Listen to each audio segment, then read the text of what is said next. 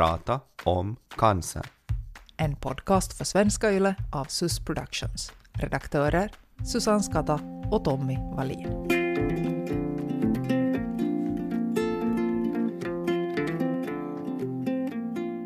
Jag tycker att livet är en motstridig historia. Det är egentligen eh, väldigt sällan som man ger det beskedet att det inte finns någonting att göra.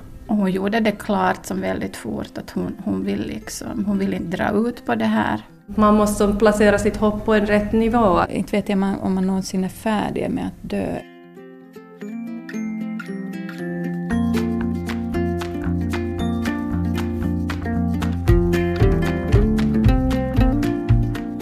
En dag ska vi alla dö. Men alla andra ska vi leva. Citatet det är myntat av författaren P.O. Enquist och det väcker många tankar.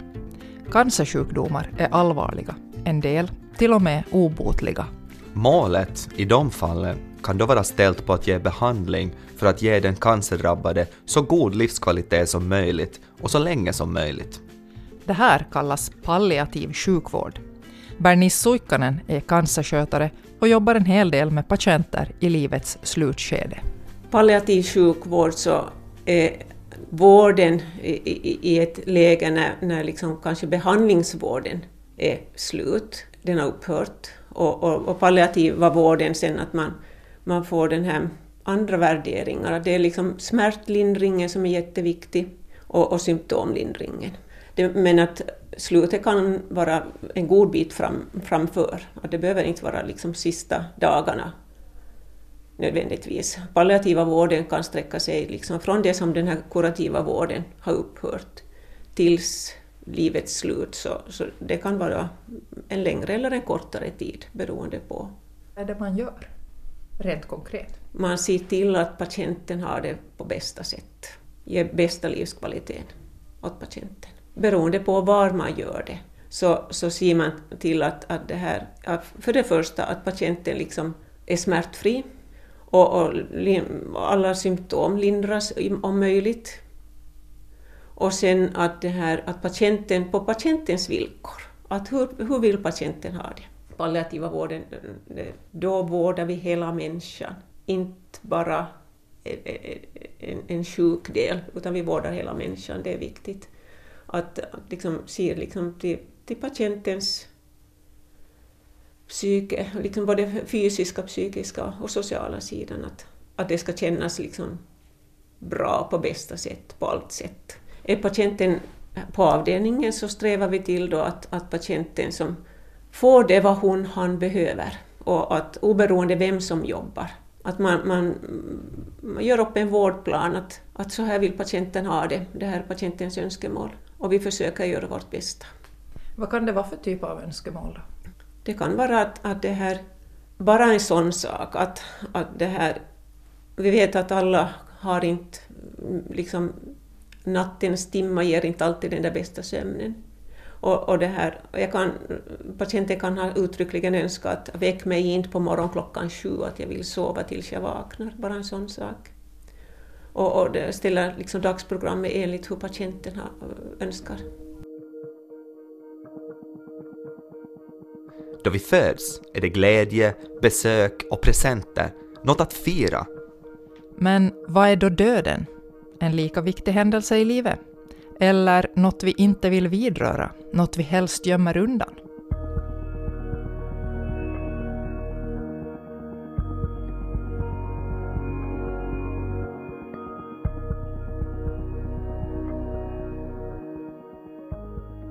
Susanna Lindemans mamma hade långt framskriden cancer när hon kom till sjukhuset för vård.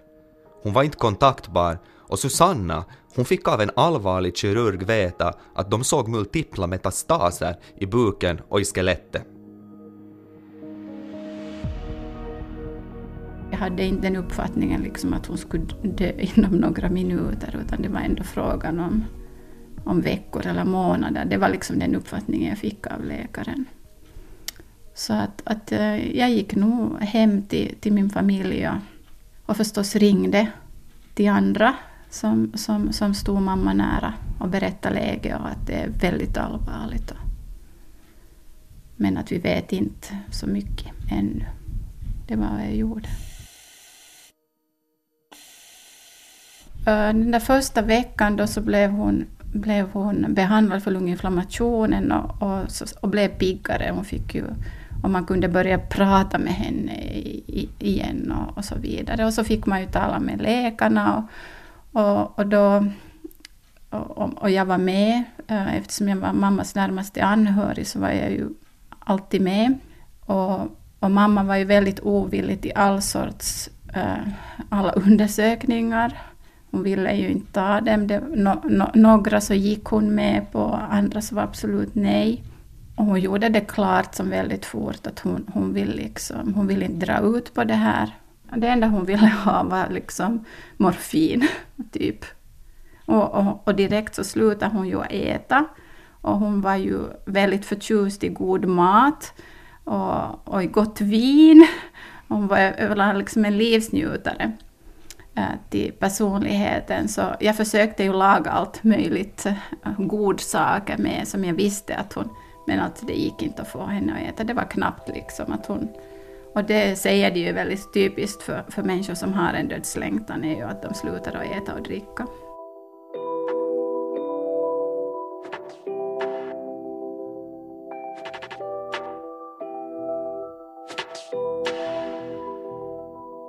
Läkare och vårdpersonal försöker att alltid hålla hoppet uppe, även om cancern har spridit sig.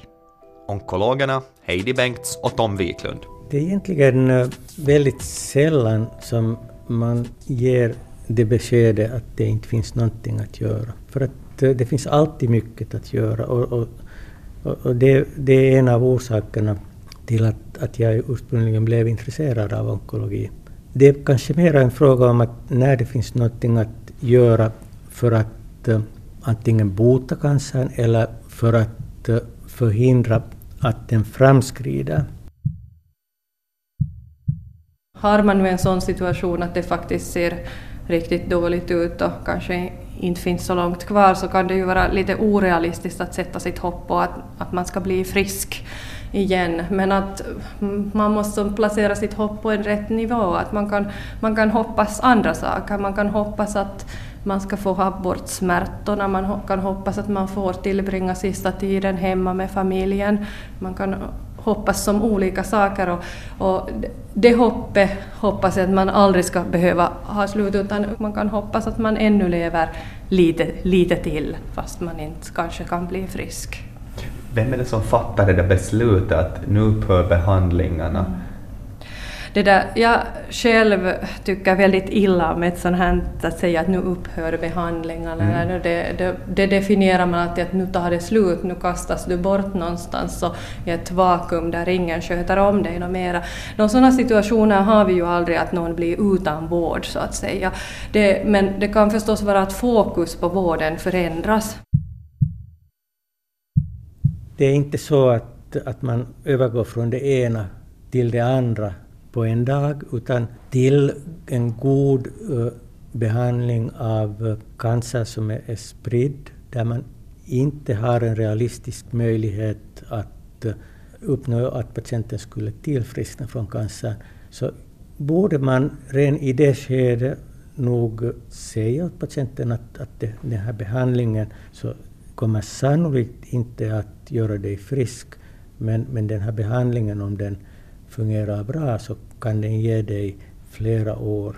Du, du kan leva med en kronisk sjukdom. Och eh, man har till och med kunnat påvisa att, att patienter som i ett tidigt skede också börjar få sån här palliativ behandling av experter inom palliativ behandling, så till och med lever längre än sådana som inte har fått det. Så att, eh, fast det kan kännas eh, svårt att acceptera att eh, nu blir jag rekommenderad också palliativ behandling vid sidan om den aktiva behandlingen av cancer, så är det någonting som ändå kan vara värt att, att överväga.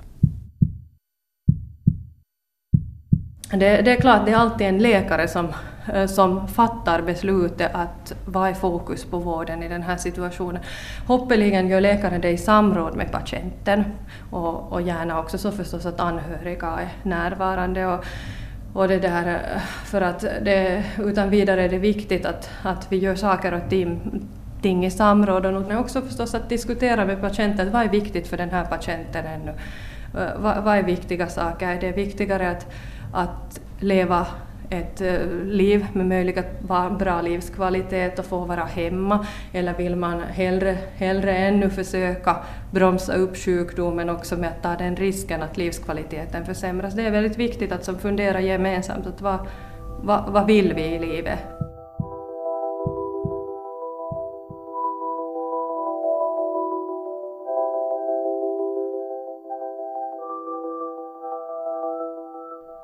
När hoppet för att bli helt frisk är ute kan du som cancerdrabbad vara tvungen att ta ställning till om du vill ha behandlingar som kanske ger biverkningar eller leva vidare som tidigare så länge det går.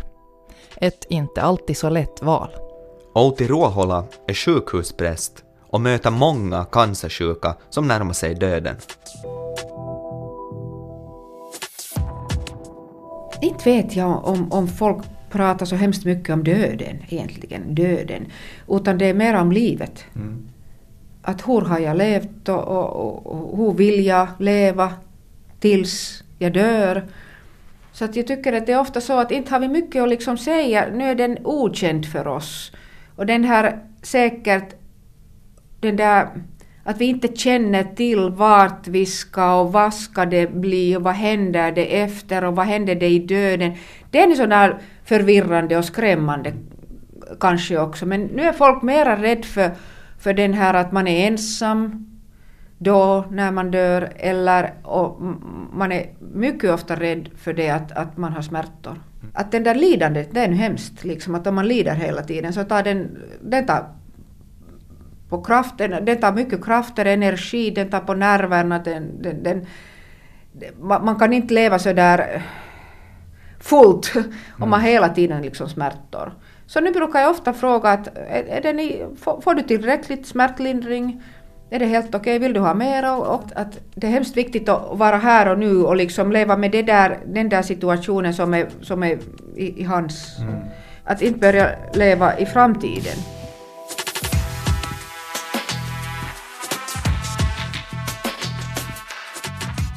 Många cancerdrabbade får hjälp av att prata med andra om sin sjukdom, ofta i cancerföreningarnas samtalsgrupper. För de som jobbar med att stödja insjuknade och närstående är det en utmaning då döden närmar sig.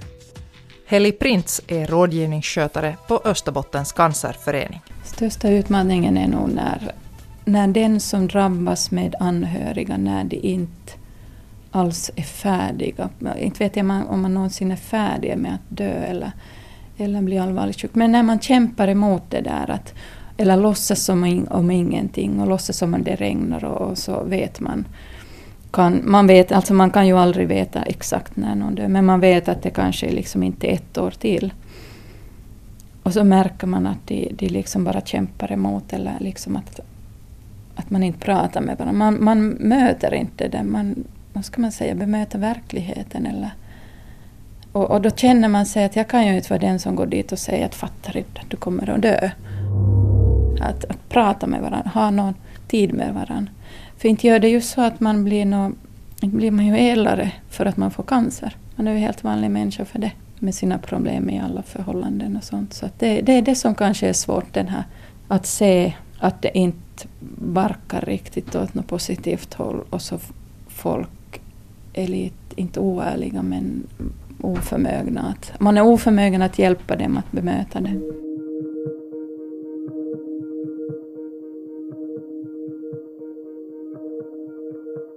Susanna Lindemans mamma verkade ha bestämt sig för att dö då cancern nästlat sig in i hennes kropp.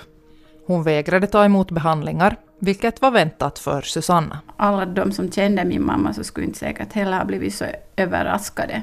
Att hon var ju inte den här, ska man säga, mainstream-personen. Hon hade starka åsikter och, och, och, hon, hon hade ju länge gjort klart för att hon, hon vill helst liksom dö genom att spark, ta sparken och sparka över till Sverige eller ro eller någonting. Att det värsta hon visste var sån här institutionell vård och, Ja, så, ja, så det, var som, det, var ing, det var ingen överraskning. Och sen hade hon ju vårdtestamente och eh, där var hon, det stod helt tydligt att, att hon inte vill ha någon sån vård som förlänger livet. Men det är ju inte så lätt att tolka alltid förstås. Men nej, så det var, det var jobbigt förstås. För att man visste ju att, att slutet kommer förr än senare.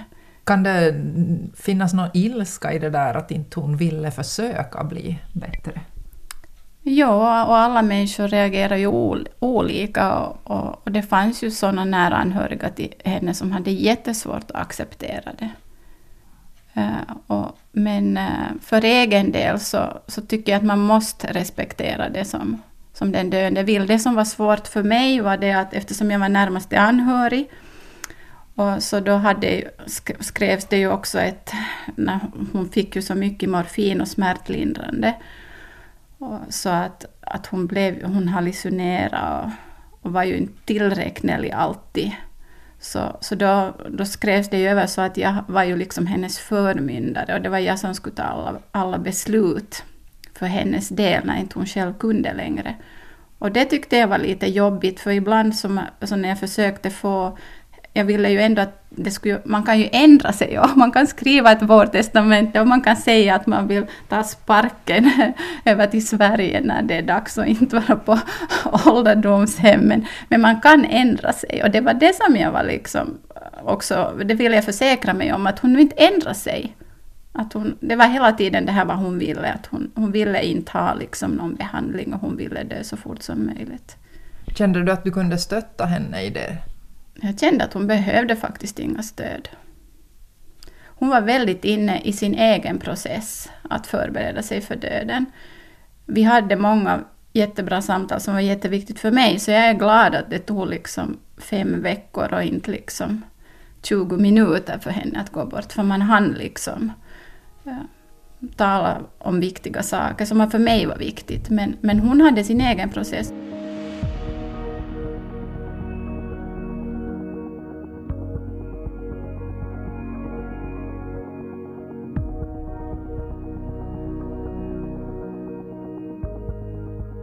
Jag kände mig jättehjälplös. Hon ville ju också dö hemma. Hon bodde ju på en ö och det var ju menförestider. För det var, och hon klarade ju sig inte utan vård eftersom hon var ju sängliggande och hade varit det och, liksom åt och drack ingenting. Så att, att det skulle jag måste kunna komma vårdpersonal dit. Och det har jag funderat, borde jag liksom ha pressat hårdare där och sagt no, men min mamma vill dö hemma, att, att vi måste fixa det. Men, men jag insåg ju nog liksom när de sa att, att, att hur ska det gå till i menförestid och, och som hon bor på en ö, att det, det går inte. Så man vill ju inte göra dem som, som är liksom just, just ska gå bort, man vill ju inte göra dem besvikna. Men eh, det är som med annat i livet, man, man måste bara hantera det på något sätt. Då döden närmar sig är närvaro viktig. Det vittnar såväl sjukhusprästen Outi Ruohola som psykolog Carita Jakobsson om. Jag tycker att orden försvinner ganska mycket vid de sista tiderna så att säga. Det räcker att, att, att man är närvarande, man tar i hand eller om det är möjligt, om den andra vill. Man måste vara mycket sådär intuitivt eller åtminstone fråga sig när man inte vet. Att, att, att, att vara närvarande, sådär kroppsligt närvarande också. Att, att, det är ofta så att det räcker därför att det finns inte mycket att göra och mycket, inte, inte, inte fiffiga ord. Och, det räcker att man är närvarande.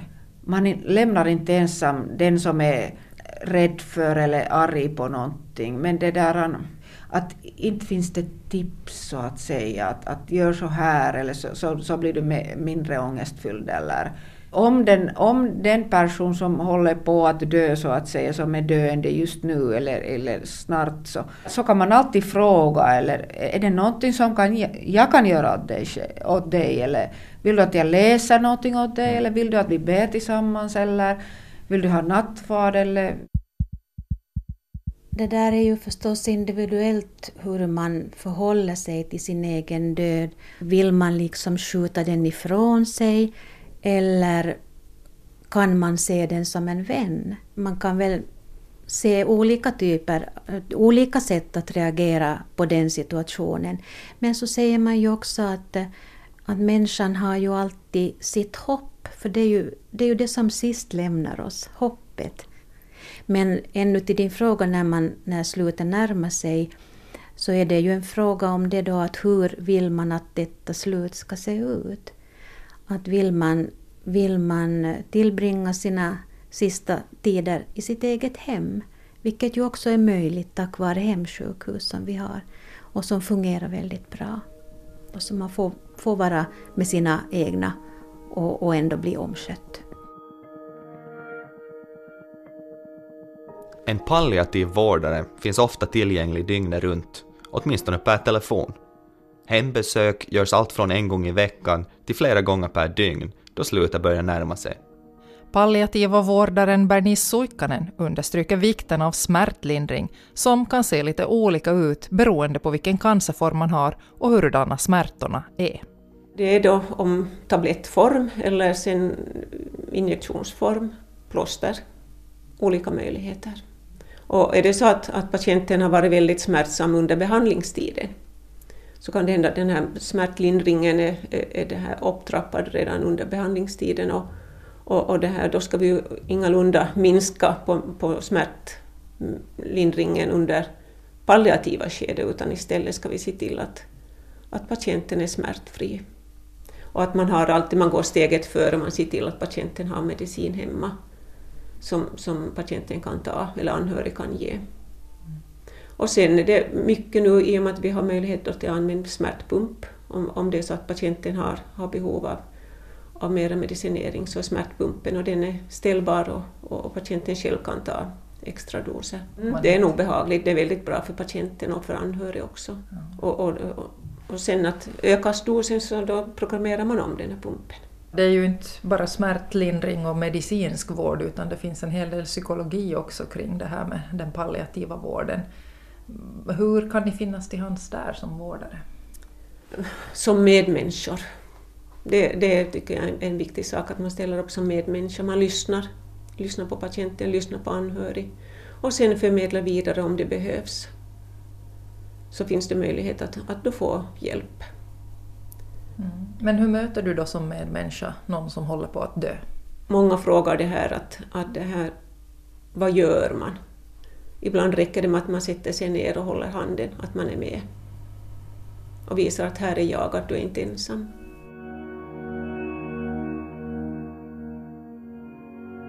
Bernice Suikkanen, palliativ vårdare.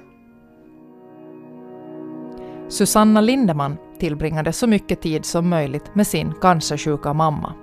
För att hantera situationen läste hon mycket, bland annat om den närståendes upplevelser. Och jag har förstått att det är ganska vanligt där att den som ska dö och de anhöriga befinner sig nödvändigtvis inte på samma plats och har inte samma behov att tala om samma saker.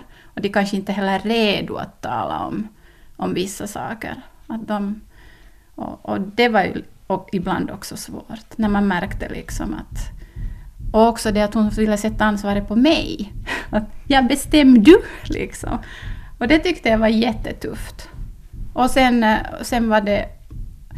Det var mycket som var svårt, men, men det värsta tyckte jag var nog liksom när jag, de där sista två veckorna när hon flera gånger bad mig om hjälp att avsluta hennes liv. Och, och det är ju rent av olagligt i Finland idag. Ja, då kände jag mig nog, alltså det var, det var fruktansvärt. Hur hanterade du situationen? Inte vet jag om jag hanterade den, jag var bara, jag var bara i den. Jag sa åt henne att, att mamma, det kan jag inte.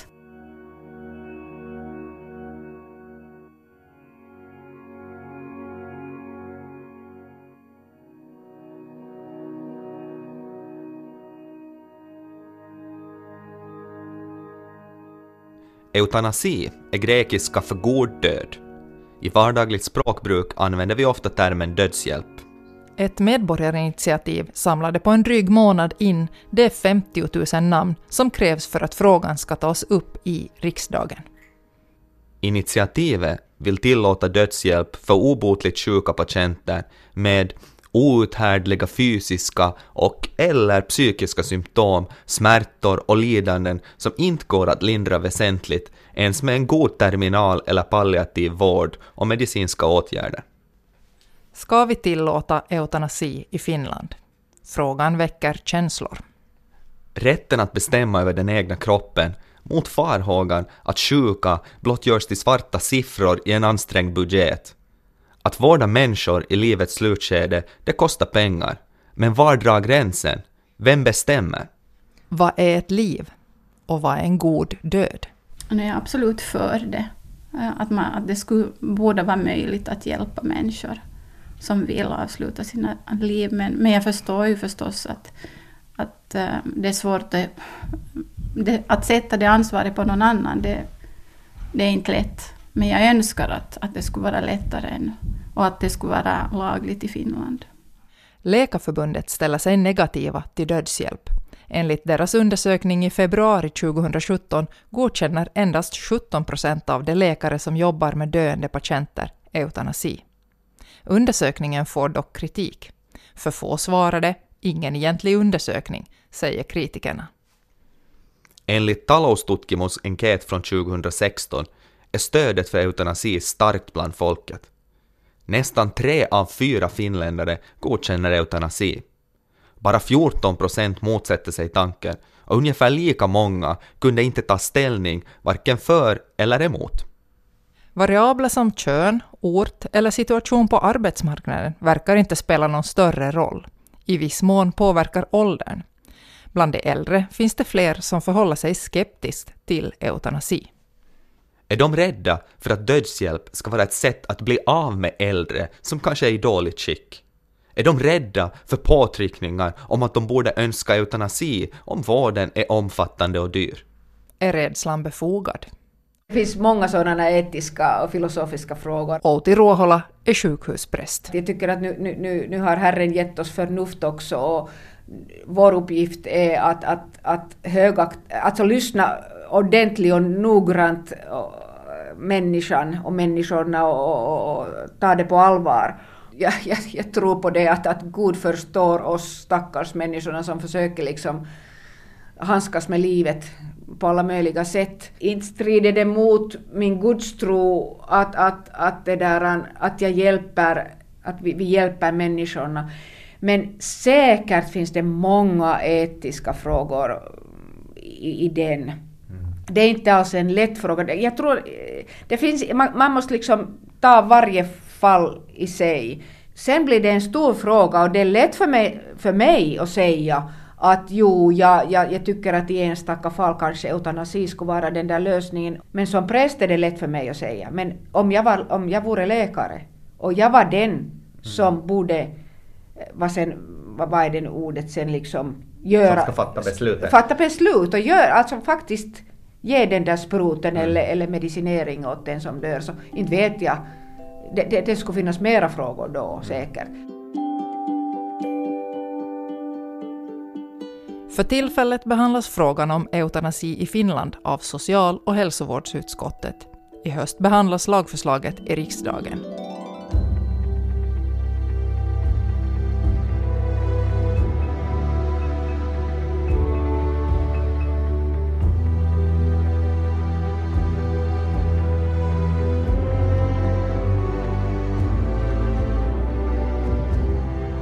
Varje år dör över 12 000 finländare i cancer. För en närstående är det självklart jobbigt att se sin anhöriga närma sig döden. Susanna Lindeman är tacksam över den smärtlindring hennes cancersjuka mamma fick. Ja, hon blev ju då förflyttad från äh, onkologen äh, just då till, till palliativ vård. Och, och där var hon ju bara en vecka att det, det gick ju väldigt fort. Eh, men eh, jag tyckte att det var... Hon fick jättefin vård där. Eh, hon hade eget rum och hon fick allt smärtstillande som hon bara ville. Så hon var ju mest i, uppe i det blå. Och hon var liksom lugn och vid gott, gott mod och, och, och på alla sätt och vis. Och, och hon hade ju då inte velat äta och dricka någonting eh, på flera veckor, så, så då sa läkaren åt mig eh, där att, ja, att, att de har ju, hon har ju ännu sån här näringsdropp och, och, och sånt. Att, att eh, hennes erfarenhet i sådana här fall är att när man tar bort det eh, så då går det väldigt fort. Och så, Eh, så frågade hon mig att om jag skulle vara beredd på att ta bort det. Så frågade jag att vad menar du med väldigt fort? Så hon sa att, man talar om, om liksom dagar. Men eh, veckor, det är liksom vad hon tror. Och så, så sa så sa jag att, att ja, nu är jag redo för det. Att det är ju det som mamma vill och hon vill ju inte äta och dricka så att det är lite hemskt att tvinga henne. Och det finns liksom inget, inget hopp här något mera. Så, så det var ju det vad de gjorde då, att, att de, de tog bort näringsdroppen. där och då gick det ju jättehastigt. Men kanske, jag var ju nog också redo och så talade jag med mamma och det var en av de där riktigt klara stunderna när jag sa att, att, att nu rekommenderar läkaren att vi tar bort näringsdroppen, och det betyder att, att det kommer att gå väldigt fort. Att har du någonting emot det så sa hon nej, att liksom, eh, jag minns hennes blick liksom, när det, det känns skönt och så sa jag att, det, att du vet att jag ska ju åka bort nu ett par dagar, att, att vill du att jag ska stanna? Så hon nej, jag vill dö i fred, sa hon.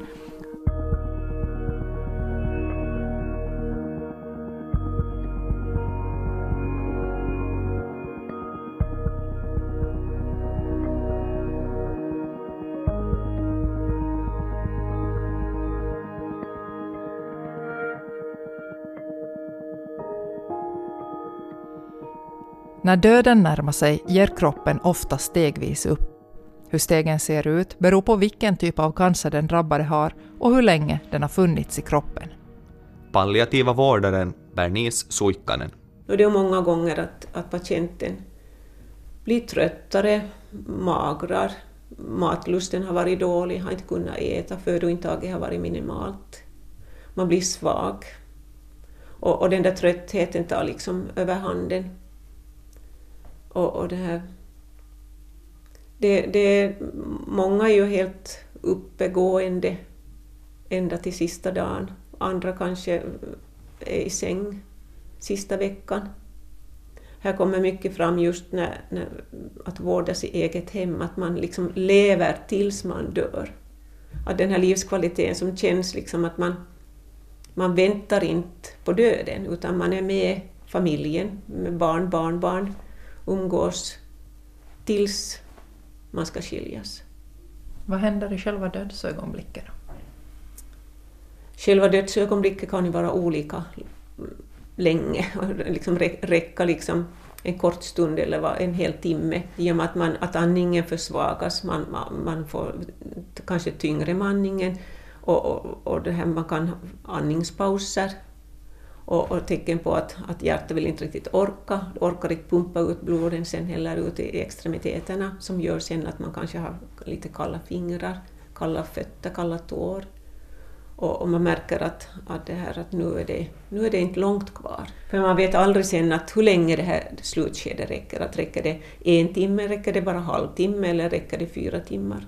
Allt är lika möjligt. Att andningen försvagas andningen försvagas och det här hjärtat stannar. Vad händer sen då när, när livet har tagit slut? Sen är det ingenting som brådskar. Då ska anhöriga få ta avsked. Finns. Det måste vara en jobbig stund i, i arbetet. Det är det. Och sen att finnas till för, för anhöriga. De ska finnas till för varandra. Och just i, i sådana stunder är det en styrka att man är flera. Mm. Att finns det då en, en man eller en hustru och en, ett barn eller flera barn så, som har varit med om det här sista, så då kan de också trösta varandra. För alla vet hur det var. Mm. Att möta döden i arbetet så pass ofta som du gör, då, hur, hur hanterar du det? Eh, det här jobbet så ger mer än vad det tar. På vilket sätt? Det, det, det att man... känner att, att, det här, att man kan som finnas till för, för, för döende patienter och för anhöriga. Och det att det räcker till med det lilla vad vi gör. Som kanske är bara just att vi finns till då i de här rätta ögonblicken. Och, och att de känner den här trösten. Och känner också att de vet vart de ska ta kontakt när de behöver. Så det gör också att man, man, har, man, man, man fyller på sitt bagage och på sin, fyller på sin ryggsäck med erfarenheter för varje gång. Det känns meningsfullt att jobba vidare. Man vet att, att man behövs. Jag vet att du själv nyligen har mist din syster också i cancer och jag beklagar det. Tack. Eh, jag tänker att, att det här när du själv har det nära då, påverkar det på något sätt ditt jobb också i någon riktning? Det påverkar säkert. Det, det gör det, att man, man är en erfarenhet rikare. Men, men man vet, vet och känner liksom att det här med, med sorg och sorgebearbetning, att, att det är lika jobbigt för alla när man tar itu med det. Cancerskötare Bernice Suikkanen. Palliativa vårdare har ofta efterlevnadssamtal. Där möter de den avlidnes närstående och ger dem rum och tid att prata genom upplevelserna kring sjukdomen och döden också när det gått en tid.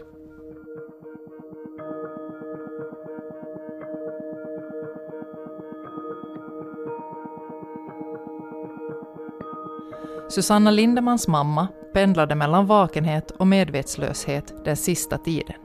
För det kändes nog de där sista två veckorna, så varje kväll när jag liksom kände att är det här nu sista gången?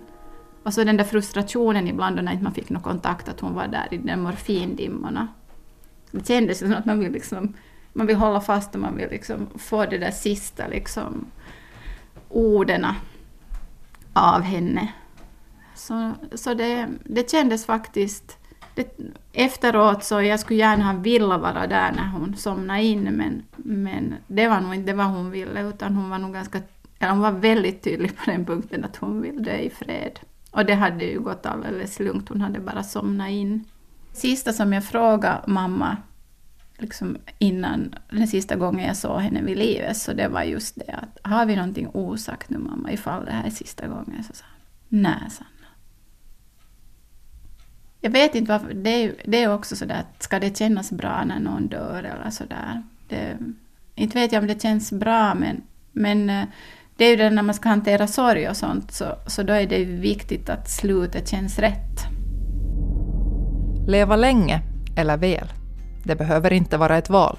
Med dagens cancerbehandlingar och smärtlindring kan slutet bli både långt och värdigt. Vården i livets slutskede utvecklas. Dö hemma eller på sjukhus, dö omgiven av familj och vänner eller i stillhet.